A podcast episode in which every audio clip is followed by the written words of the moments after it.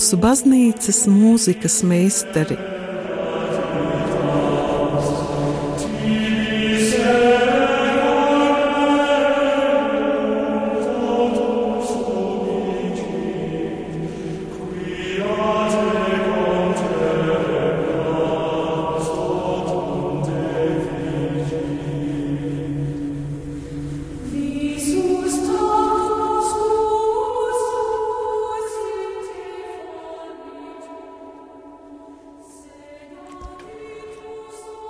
Labdien, darbie radio klausītāji! Šodien nedaudz citādāks raidījums, jo Dācis šo, šodien raidījumu nevadīs, bet uh, raidījumu vadīšu pārmaiņas pēc es, Jēkabs Reinis Pērkons un ierastā viešņa Ieva Rosenbacha. Jā, par ko šodien mēs stāstīsim un klausīsimies? Tāpat kā iepriekšējie divi raidījumi, arī šis raidījums būs veltīts renesanses mūzikai. Dācis Dreimena ir iecerējusi šo tā kā tādu nelielu ciklu, un nu, mēs esam nonākuši pie cikla trešā raidījuma. Proti, um, Šodien mēs jau pietuvosimies, vai precīzi sakot, iekāpsim jau 16. gadsimtā un tuvosimies jau renesanses laikmeta beigām. Un uh, iepazīsimies ar diviem ļoti nozīmīgiem meistariem, kas ir no renesanses laika uh, un arī tā laika baznīcas mūzikas un visa baznīcas mūzikas mantojuma ārkārtīgi lielas vērtības. Un pirmais no uh, meistariem, ar kuriem mēs iepazīstamies un kuru, kuru, kura mūzika mēs klausīsimies, ir komponists Orlando Di Lasso. Šis meistars tāpat kā un pārējie jau iepriekšējās, iepriekšējos raidījumos, iepriekšējās trešdienās aplūkoti un iepazītie meistari gan Gijoms Difē un Johannes Okehems, gan Žostkēns Deprē un pārējie ir dzimuši un savu pirmo izglītību guvuši Nīderlandes mm, polifonijas skolā. Uh, tātad, kā jau es iepriekš minēju, tā ir tā teritorija, kas mūsdienās ir uh, Beļģija, Nīderlanda, Ziemeļa Francija, Luksemburga, un tad, tad no turienes tieši nāk šī pirmā komponistu skola, proti komponistu rokrakstu tāda, tāda kopība. Un kas ir interesanti šī uh, komponista sakarā, ka uh, viņš ir pazīstams arī ar citiem uh, vārdiem, kas ir diezgan tādi, nu, tuvi tam, kā mēs to viņu pazīstam, ja, Orlando de Lasso, bet dažkārt pa viņu informāciju ir atrodam arī Orlandus Lasus, tas būtu tā kā latiniskā versija viņa vārdam uzvārdam, arī Rolanda de Lasus, tā jau būtu franciskā versija. Un nevelti e, šādi vismaz trīs viņa vārdu varianti, jo viņš bija savā ziņā tāds Eiropas pilsonis, gan ar savu dzīvi un darbību, gan arī ar atstāto mūzikas mantojumu. Uh, viņa mūzika tā ir šī renesanses stila kulminācija, un kas ir interesanti, ka viņam daļradē jau vienlīdz nozīmīga ir sakrālā un laicīgā mūzika. Mūs vairāk, protams, interesē sakrālā mūzika. Uh, Bet tomēr pieminēšanas vērti ir arī citi žanri, jo mūzika vienmēr ir bijusi dzīve, arī baznīcas mūzika bijusi dzīve un saistīta ar dzīvi un arī ar, ar to, kas notiek ārpus baznīcas, un arī zināmas ietekmes ir novirzījušās abos virzienos. Um, nu, ko vēl varētu pateikt par šo komponistu? Viņš ir atstājis milzīgu mūzikas mantojumu, viņam ir vairāk nekā 2000 skaņdarbu. Tas ir ļoti liels skaits, ļoti, ļoti bagāts uh, skaņdarbu pūrs. Un uh, tur ir vairāk kā 70 mesas, 110 magnifikāti, 1000 motetes, 175 uh, itāļu madrigāli vilanēls un daudz, daudz citu skaņdarbu. Visus pat nosaukt nevar. Tad ļoti, ļoti ražīgs komponists. Kā jau teicu, varam teikt, ka viņš tāds tā kā Eiropas pilsonis, jo viņš savā daļradē, būdams arī Nīderlandietis, ir pieskāries arī itāļu, franču, holandiešu un vācu mūzikas žanriem un arī šīs mūzikas, šo valstu mūzikas tradīcijām, un to arī savā mūzikā ir, nu, lieliski apvienojis. Ko vēl varētu minēt par viņa mūziku? Uh, viņa mūzika jau norāda ceļu uz baroka žanru, proti viņa sakarālā mūzikā mēs jaušam emocijas. Tātad tīri dažādas cilvēciskās emocijas pārdzīvojumus un arī teksta ļoti precīzu, konkrētu atspoguļojumu mūzikā. Un tā ir iezīme, kuras jau minēju kādā no iepriekšējiem raidījumiem, kas tieši aizvedīs arī uz baroka laikmetu. Nu, varbūt daži vārdi par, par šī autora, par Orlando di Laso biogrāfiju, burtiski daži dati, jo, kā jau es minēju, viņš bija Eiropas pilsonis, tad viņš strādājis un darbojies dažādās, dažādās valstīs un dažādās vidēs. Viņš ir dzimis Beļģijā, par bērnību daudz ziņu nav, bet ir tāda interesanta detaļa, drīzāk kā tāda, tāda leģenda, ka viņš uh, ir bijis trīs reizes nolaupīts no uh, tās baznīcas, kurā viņš jau kā, kā kora zēns ir dziedājis. Un kāpēc nolaupīts? Tāpēc, ka viņam bija ļoti skaista balss un daudzu citu baznīcu, nu, teiksim, uh, nu, mūzikas direktori vēlējušies šo zēnu savā korī. Vai tā ir patiesība, to nevis nevar pateikt, nevar apstiprināt, jā, bet, nu, acīm redzot, balss viņam tiešām bijusi laba. Viņš ir bijis arī um, karaļa Šarla V ģenerāļa kalpībā, ceļojis uz Itāliju, desmit gadus Itālijā pavadījis.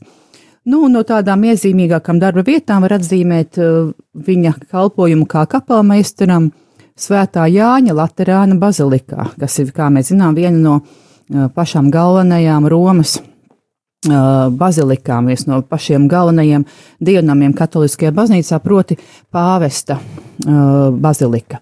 Tad viņš ir kalpojis arī Antverpenā, bet lielāko mūža daļu viņš ir pavadījis Vācijā, Bavārijā, Bavārijas hercoga Albrehta 5. galmā Minhenē. Vairāk kā 40 gadus viņš tur ir bijis un kalpojis un veidojis visu mūzikas dzīvi. Viņš laika gaitā kļuva par ārkārtīgi lielu autoritāti, pie viņa brauc mācīties uh, komponisti no visas Eiropas, tā skaitā arī tādi komponisti, kas tiešām jau darbojas jaunā nākamā stila, um, stila skandarbos. Tātad viņš bija tā savā veidā arī kā tāds ceļš uz jauno laiku, mūziku, uz jauno gadsimtu. Par vēl, viņa dzīvi un viņa nopelniem un to, cik augstu viņu vērtēju, vēl liecina vairāki fakti. Um, Imperators Maksimiliāns II Orlando de Laso iecēla mūžnieka kārtā, un mūziķiem tas bija rets gods, jo mūziķis tomēr bija uzskatīts par kalpotāju, par tādu kā ierindas kalpotāji, bet mūžnieka kārta, nu tas bija patiešām liels pagodinājums. Vēl viens pagodinājums bija tāds, ka pāvests Gregors 13. Orlando di Laso par vienu viņam veltīto Pāvestam veltīto mesu krājumu uh, Orlando de Laso piešķīra zelta pieša ordeni. Tad, tad arī tāds būtisks pagodinājums, apbalvojums arī no baznīcas puses. Un arī mm, tādā zinātniskā līmenī Orlando de Laso jau tika novērtēts, jo uh, ir iznākušas tajā laikā jau divas enciklopēdijas, to, protams, bija vairāk, ja, bet divās no tajā laikā būtiskām enciklopēdijām ir veltīti tātad raksti arī Orlando di Lasso. Pie tam vienā no šīm enciklopēdijām, Vācijā lielākā enciklopēdija, kas, kas nu, aprakstīja tā laika Vācijas ievērojamākās personas, un vienīgais mūziķis, kas tur bija iekļauts, bija nevācietis, Nīderlandes skolas pārstāvs, Nīderlandietis Orlando di Lasso. Tātad ārkārtīgi nozīmīga, ārkārtīgi, nu, bagāta persona un ar ārkārtīgi nozīmīgu mantojumu. Kas sakāms par uh, viņa baznīcas mūziku? Um, varam jau iedomāties, ka saistībā ar visu milzīgo skandamu skaitu un arī to, ko es jau nosaucu, ir tiešām ļoti daudz šo te sakrālās mūzikas darbu. Un tiešām Orlando di Lasso ir atstājis četras pasijas, Tātad visu četru evaņģēlistu pasijas, gan Mateja, gan Marka, gan Lūkas, gan Jāņa pasijas, ir 14 litānijas, kā jau teicu, 110 magnifikāti, 9 lamentācijas, 32 himnas un tā tālāk. No apmēram 70 mesām 60 apmēram ir saglabājušās, no citām palikuši varbūt tikai kādi atsevišķi fragmenti, ja, vai to autorība nav pierādīta, vai tās vienkārši ir pazudušas. Un varbūt uh, pirmais piemērs, ko mēs noklausīsimies, arī ir saistīts tieši ar mesas žanru. Un proti tā ir tāda, um, tāds īpašs mesas veids, misa breve, proti īsā mesa, un īsa tieši arī laika ziņā. Tas ir viens, um, tad šī mesa kopumā ilgst visas daļas nepilnas 11 minūtes tādā vienā no chronometrāžām. Uh, kāpēc tik īsa? Pirmkārt, tāpēc, ka šajā mesā nav iekrau, iekļauts kredo.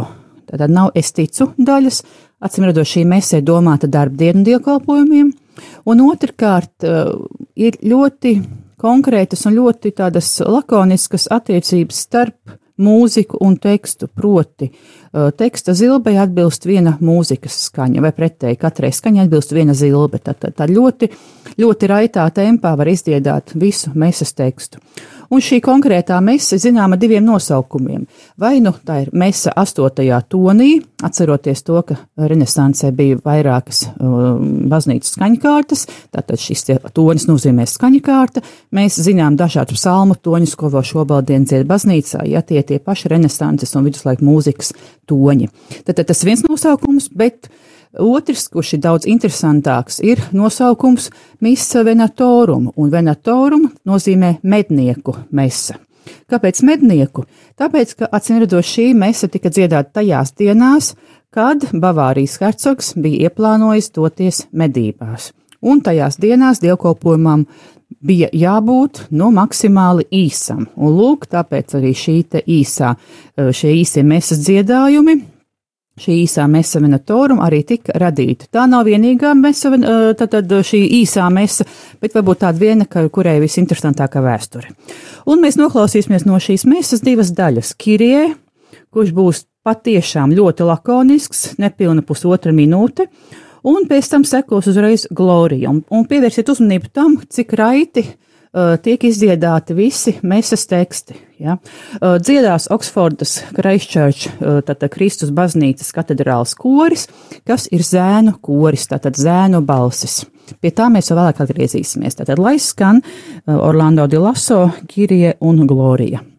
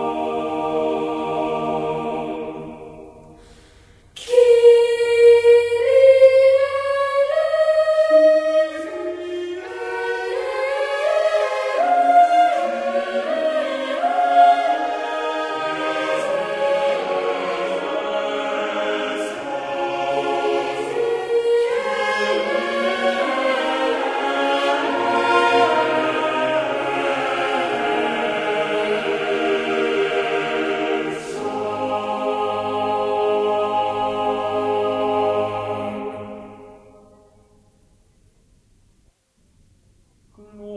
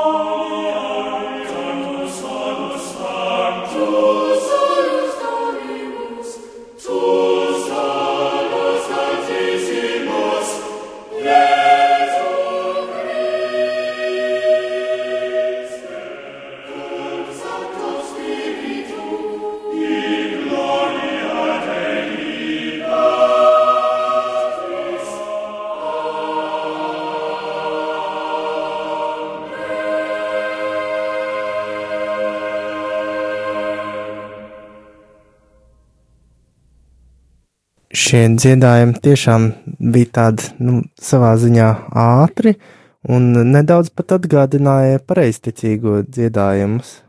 Jā, jo tas tas princips, ko es minēju, proti, ka teksts tiek ļoti skaidri pasniegts. Visās balsīs teksts ir vienlaicīgs, gan soprānu, gan altu tenoru basu balsīs, gan ļoti skaidri akordi, un netiek, teiksim, man daudz vārdi arī atkārtoti. Būtībā viss glorija gods Dievam augstumos, viss šis teksts tiek raiti izstāstīts, nekur lieki nekavējoties. Ja? Un tāpēc arī tā chronometrāža ir ļoti, ļoti tāda uh, pieticīga, un arī, nu, rezultātā tā visa mesa noteikti ļoti ātri notika. Jā, un tu pieminēji šo te zēnu kori. Kāpēc tas ir tik svarīgs? Jā, tas ir svarīgi tāpēc, ka Renesanses laikā vispār pastāvēja tikai šie te kori, kuros dziedāja zēni kopā ar vīriešiem. Tātad zēni bija tie, kas dziedāja soprānu un altu partijas. Un tāpēc tas, ko mēs tikko dzirdējām, un arī, cit, un arī citi tātad zēni koru skanējumi, tie ir tie, kas varētu vis, būt vistuvāk tam skanējumam, kāds tas bija Renesansē. Uh, tam ir senas tradīcijas, um, Protams, teiksim, bija sieviešu klosteri, kuros sievietes dziedāja, jā, bet no šīs senās tradīcijas jau bija saistīts vispār ar sievietes statusu baznīcā un sabiedrībā, un tas noteikti ir cits stāsts, jā, bet, protams, pamazām jau, teiksim, 20. gadsimta gaitā un arī jau pirms tam eh, sieviete tomēr tika norei nu, atzīta par sievietes balsi, tika atzīta par piemērotu, uh, teiksim, skanējumu šī laika mūzikā. Uh, protams, tembrāli ir atšķirības, ja, vai dzied zēns, vai dzied, vai dzied arī sieviete uh, šo te, šo te konkrēto partiju, ja. Uh, bet, uh, nu, tomēr tas vēsturī prasīs laiku, kamēr nonāca pie, pie sievietes dziedājuma baznīcā. Un, starp citu, tas notika tikai 18. gadsimta sākumā, kad ir pavisam zinām konkrēti fakti un konkrēti skandaļi, kur sieviete dzied baznīcā. Bet, no nebūtu pavisam diskriminējoši, nākamais skandarbs, ko mēs klausīsimies no Orlando de Laso atstātā mūzikas mantojuma, ir Salve Regine. Un konkrētajā ierakstā tātad mēs labi varēsim dzirdēt, kā sasaucas, kā sadziedas vīru un sieviešu balsis. Tātad Salve Regina, uh, es sveicināta karaliene.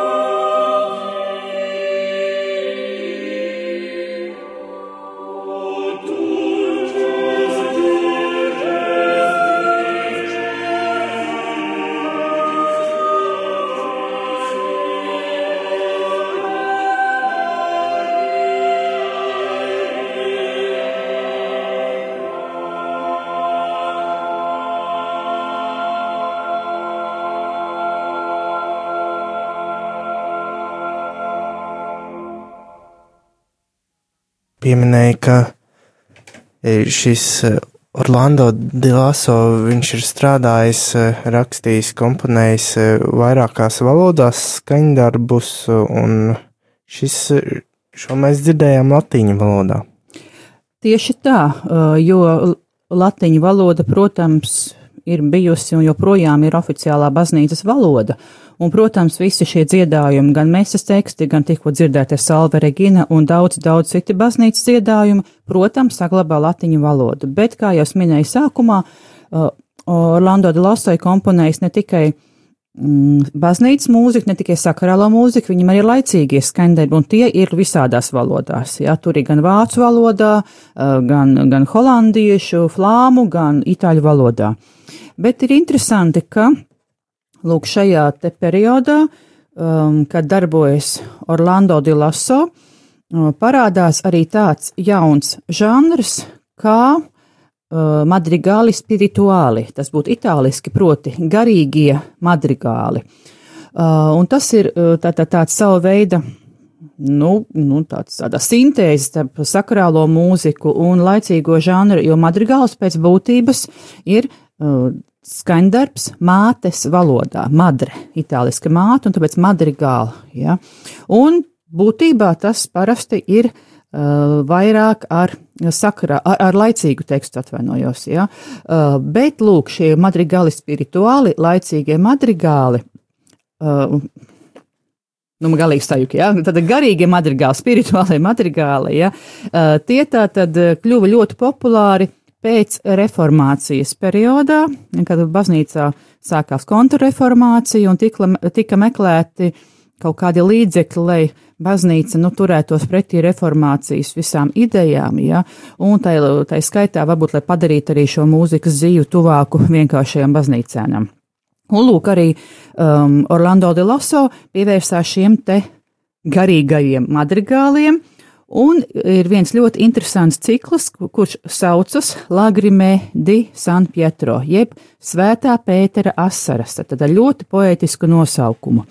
Te ir ietverti 20 madrigāli, tātad 20 dziedājumi, kas ir itāļu valodā, un tie visi apdzied Svētā Pētera ciešanas pēc tam, kad viņš ir aizliedzies Jēzu, tātad visas viņa izjūtas, viņa domas, viņa nožēla, tiešām burtiski viņa asaras. Uh, šim ciklam ir tātad teksta autors ir itāļu dzēnieks Luigi Tansillo, uh, viņa 20 dzējoļi arī ir pa pamatu šim ciklam. Un noslēdzošais skandarbs šajā ciklā ir viena motete, tātad viens dziedājums latīņu valodā, jo motete tajā laikā pēc tradīcijas pēc būtības ir latīņu valodā. Kas ir motete? Motete tā tad ir uh, garīgās mūzikas, ja baznīcas mūzika žanrs kuram arī ir visnotaļ sena vēsture, un šis uh, žanrs, šī žanra apzīmējums nāk no franču vārda lemo, kas ir vārds. Tātad tas ir skaņdarbs, kur ļoti svarīgs ir teksts jo paši pirmie tātad garīgās mūzikas dziedājumi bija tādi, kuros bija ļoti maza nozīme tekstam, bet tas jau stāsta par 12. gadsimtu, par krietni senākiem laikiem, ja. Bet tātad motete principā arī mūsu laikos parasti tiek saprast kā baznīcas mūzikas žanrs, nu jau vienalga, kurā valodā, ja, bet tai laikā, kad dzīvoja Orlando de Loso, tas noteikti bija latīņu dziedājums, latīņu valodā. Un kas ir interesanti vēl šī cikla kontekstā, tātad šie 20, uh, 20 madrigāli, kuri apcer Pētera ciešanas, ir it kā no Pētera personas. Tās viņa domas, tie ir viņa vārdi. To gan dzied koris, vairāk balsīgs, ja? bet tā, tas ir no Pētera personas runāts, dziedāts teksts. Savukārt tā motete pēdējā, tas ir no Kristus personas teikts vārds. Ja? Tad, tad tur sanāk tā kā mazliet tāda sasaukšanās starp valodām, ja Kristus kā baznīcas personifikācija savā ziņā, viņš tādiem tādus pārmetumus izsaka, ja, ka es par tevi cietu, es par tevi, par tevi miru, ja, un kāpēc tāda ir tava atbilde, ja, tad, tad viņš savā ziņā ļoti, ļoti norāja Pēteri. Um, pirms mēs klausāmies uh, fragmentu no šīta cikla, vēl tikai daži tādi interesanti, atkal interesanti uh, fakti. Tātad, uh, kā es teicu, 21 skandarbs, tātad ir šie skandarbi grupējas pa septiņiem skandarbiem, tie septiņi skandarbi, katrs ir septiņām balsīm, pa trim iekšējiem cikliem. 7 reizes 3 ir 21. Tātad tur sanāk jau kaut kāda simbolika, proti, ja tā, tā skaitla septiņi, baznīcā tiek asociēts arī ar jaunavas Marijas septiņām sāpēm, kuras viņai tiek pareģotas, ka viņa upurē Jēzu templī, ja. Un trīnieks, protams, ir svētā trīsvienība, ja. Tātad tur sanāk kopā 3 reiz 7, 21 skandavs kā galīgi, nu tāds gala, mm, gala cipars, ja. Un kā arī iepriekš es minēju mm, šīs mednieku mesas sakarā, ka tā bija Mesa astotajā tonī, jeb astotajā skaņkārtā. Pavisam bija astoņas skaņkārtas. Šeit parādās tikai septiņas, jā, ļoti secīgi, ļoti konkrēti, jā, bet tikai septiņas. Tā astotā skaņkārta vispār neparādās. Atkal tas septītnieks. Atkal tas septītnieks tieši tā. Uh, un uh, kāpēc nav šī astotā skaņkārta?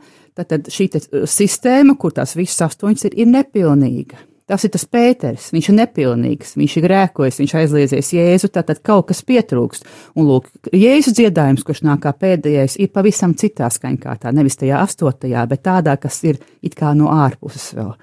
Tātad pirmkārt cita valoda un pavisam cita skaņkārta. Ja? Tātad caur šiem mūzikas teorijas, visnotaļ tādiem smalkiem līdzekļiem, ja, um, nu, Orlando de Lasso ir nu, pateicis daudz ko vairāk. Un tagad, lai skan Lagrime de San Pietro, jeb Svētā Pētera asaras sākuma dziedājums, ja, kurā tiek apdota tad Pēteris tātad nožēlo, sāk nožēlot savus grēkus, saprotot to, ka viņš bija zvērējis Jēzu mūžīgu uzticību, ja, bet bija sab, jau nu, iztrūcies pēc pirmajiem tādiem pārmetumiem viņam.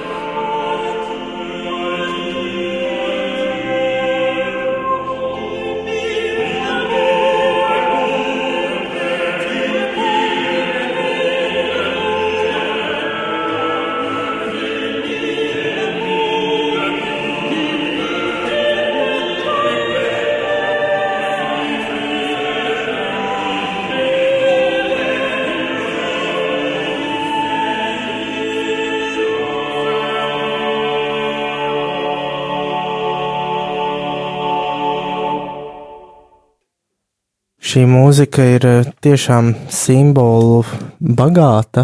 Eh, tā ir tiešām jāprot eh, klausīties, un arī gluži kā ikonas, kuras netiek tā teikt pat glaznotas, bet tiek rakstītas. Tā saka, tāpēc, ka noteikti ir pamatā šī visa matemātika un simbolu ievērošana, tad arī šo mūziku varētu tā teikt, ka tiek nevis komponēta, bet arī tiek rakstīta.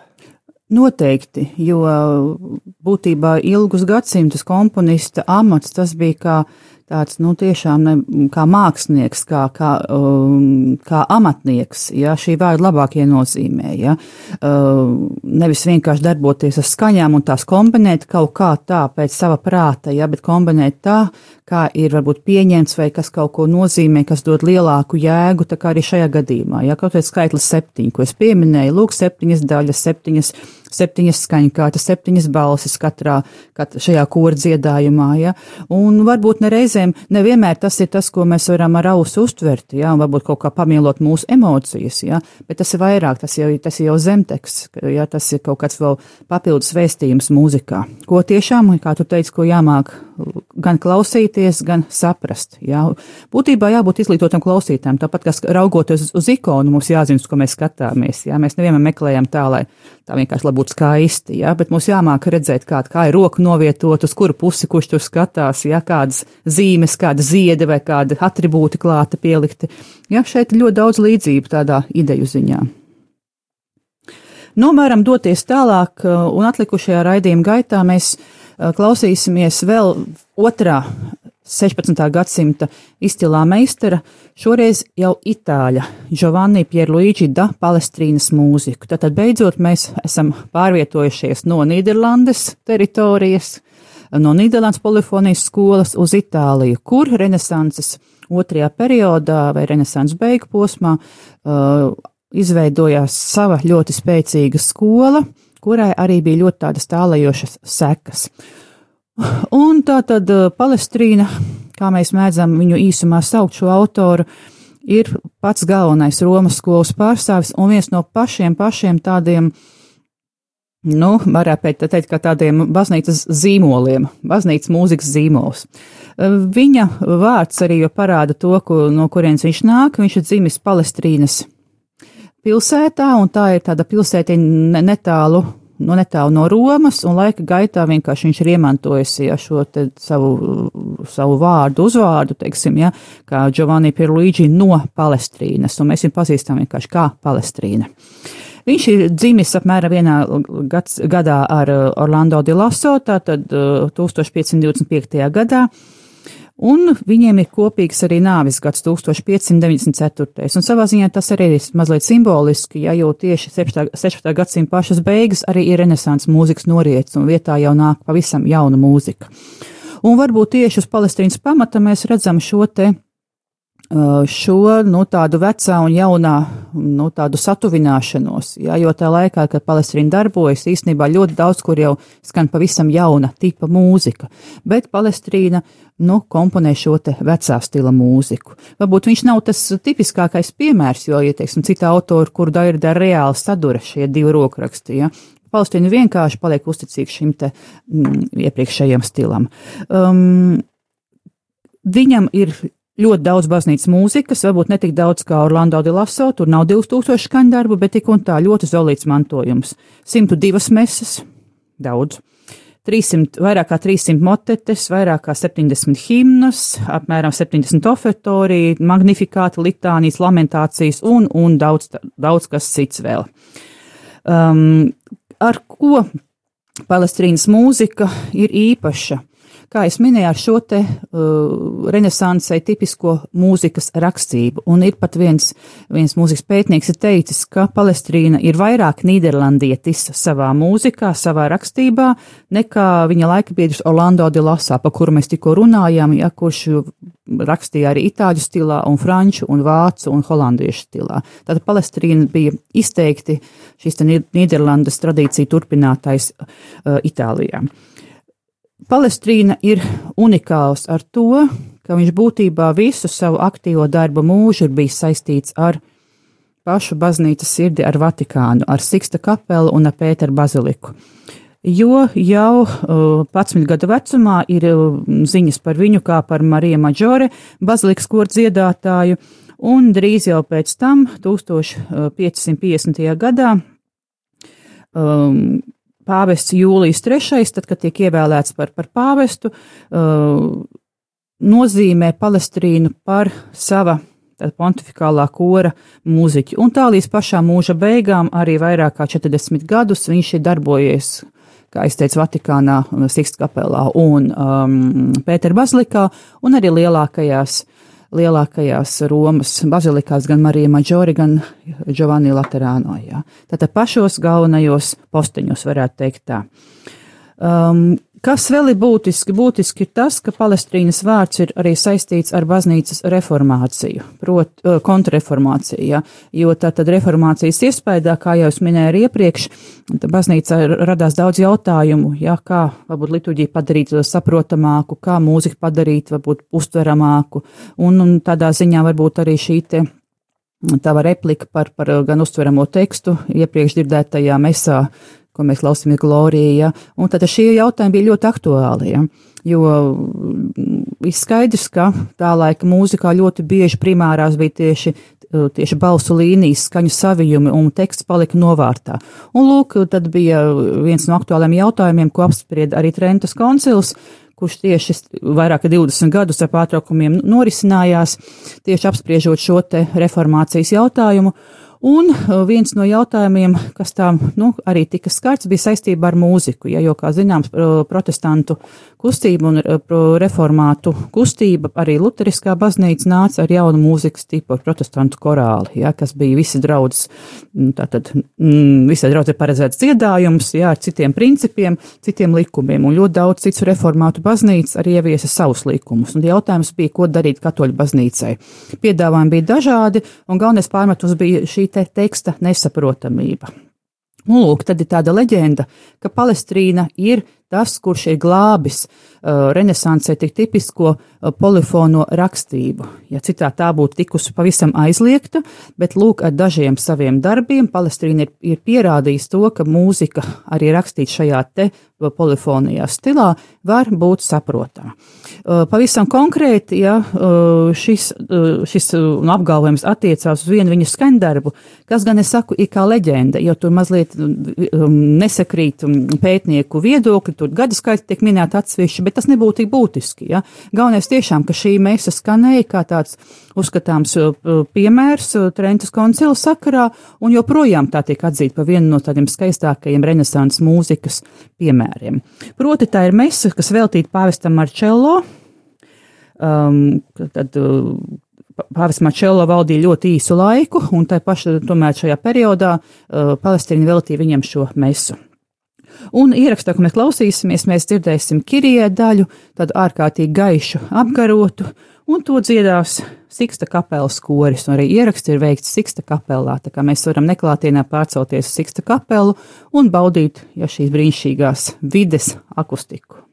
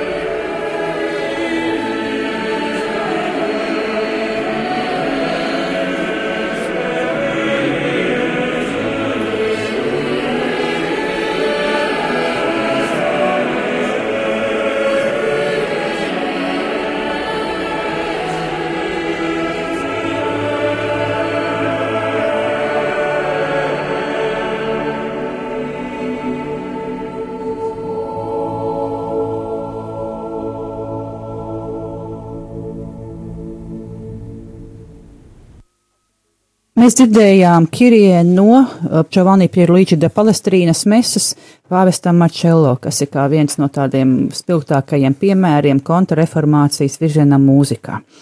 Nākamais piemērs, ko mēs noklausāmies, kā Palestrīnas mūzikas paraugu, ir viens no viņa daudzajiem magnifikātiem. Un šis magnifikāts ir, kā jau magnifikāta teksts pats par sevi, ir ļoti uh, tāds līgsms. Būtībā viss teksts tiek izgavilēts, brīžiem pat sajūtāt, ka viņš tiek izdancots. Ja?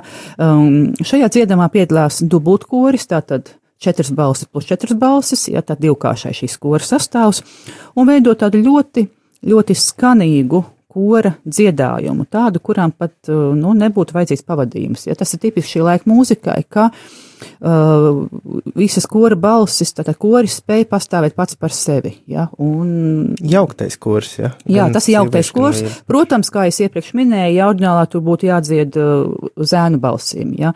uh, tas, ko mēs tikko dzirdējām, ja? bet, nu, dziedās, nākamā ierakstā mums dziedās sieviešu balsis. Tātad magnifikāts pirmajā tonī Giovanni Pierluigi da Palestrīna.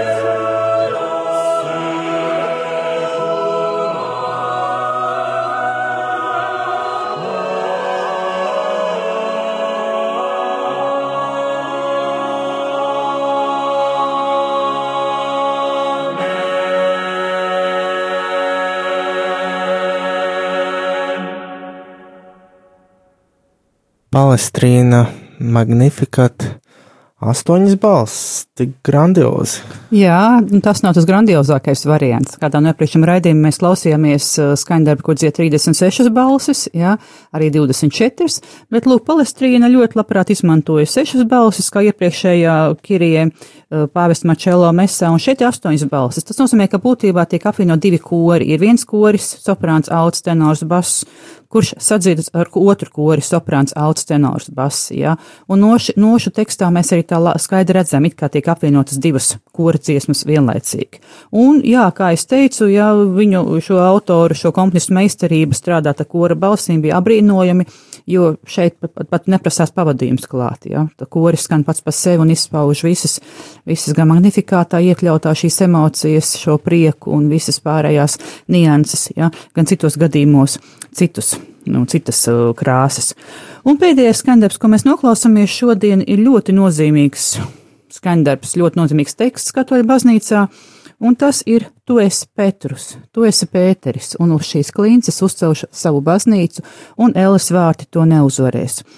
Uh, šis dziedājums uh, uh, oriģināli ir saistīts ar svētā apustuļa apustuļu Pēteru un Pāvilu svētkiem 29. jūnijā, kur tas tiek dziedāts gan kā ievadziesma, gan tas tiek lasīts arī evaņģēlijā, bet uh, praktiski, praktiskajā mm, baznīcā uh, to ļoti bieži mm, dzied uh, pontifikālajos dievkalpojumos. Tur, kur piedalās pāvests, tas ļoti bieži ir kā ievadziedājums, ja, vai vienkārši sveicot pāvestu, skan tieši arī šis Giovanni Pierluigi da Palestrina, tu esi Petrus, tu esi Pēteris.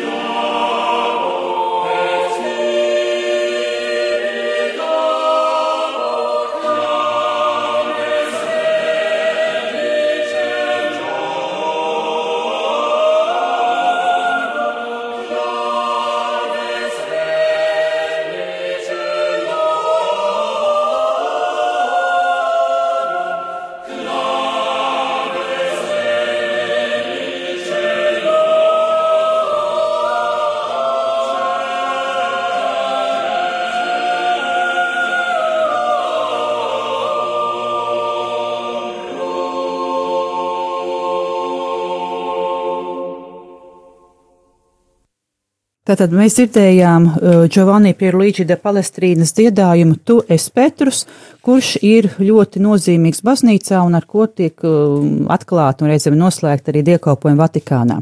Ar to arī, arī izskanējis mūsu raidījums, kurš saucas mūsu baznīcas mūzikas meistari un ko parasti rīko Dāca Dreimane, bet šoreiz studijā bija, uh, bija Jēkabs un es, muzikoloģi Ieva Rozenbacha. Ar to mēs arī atvadāmies un vēlam jauku vakaru un daudz skaistas mūzikas visapkārt. Noteikti uz redzēšanos!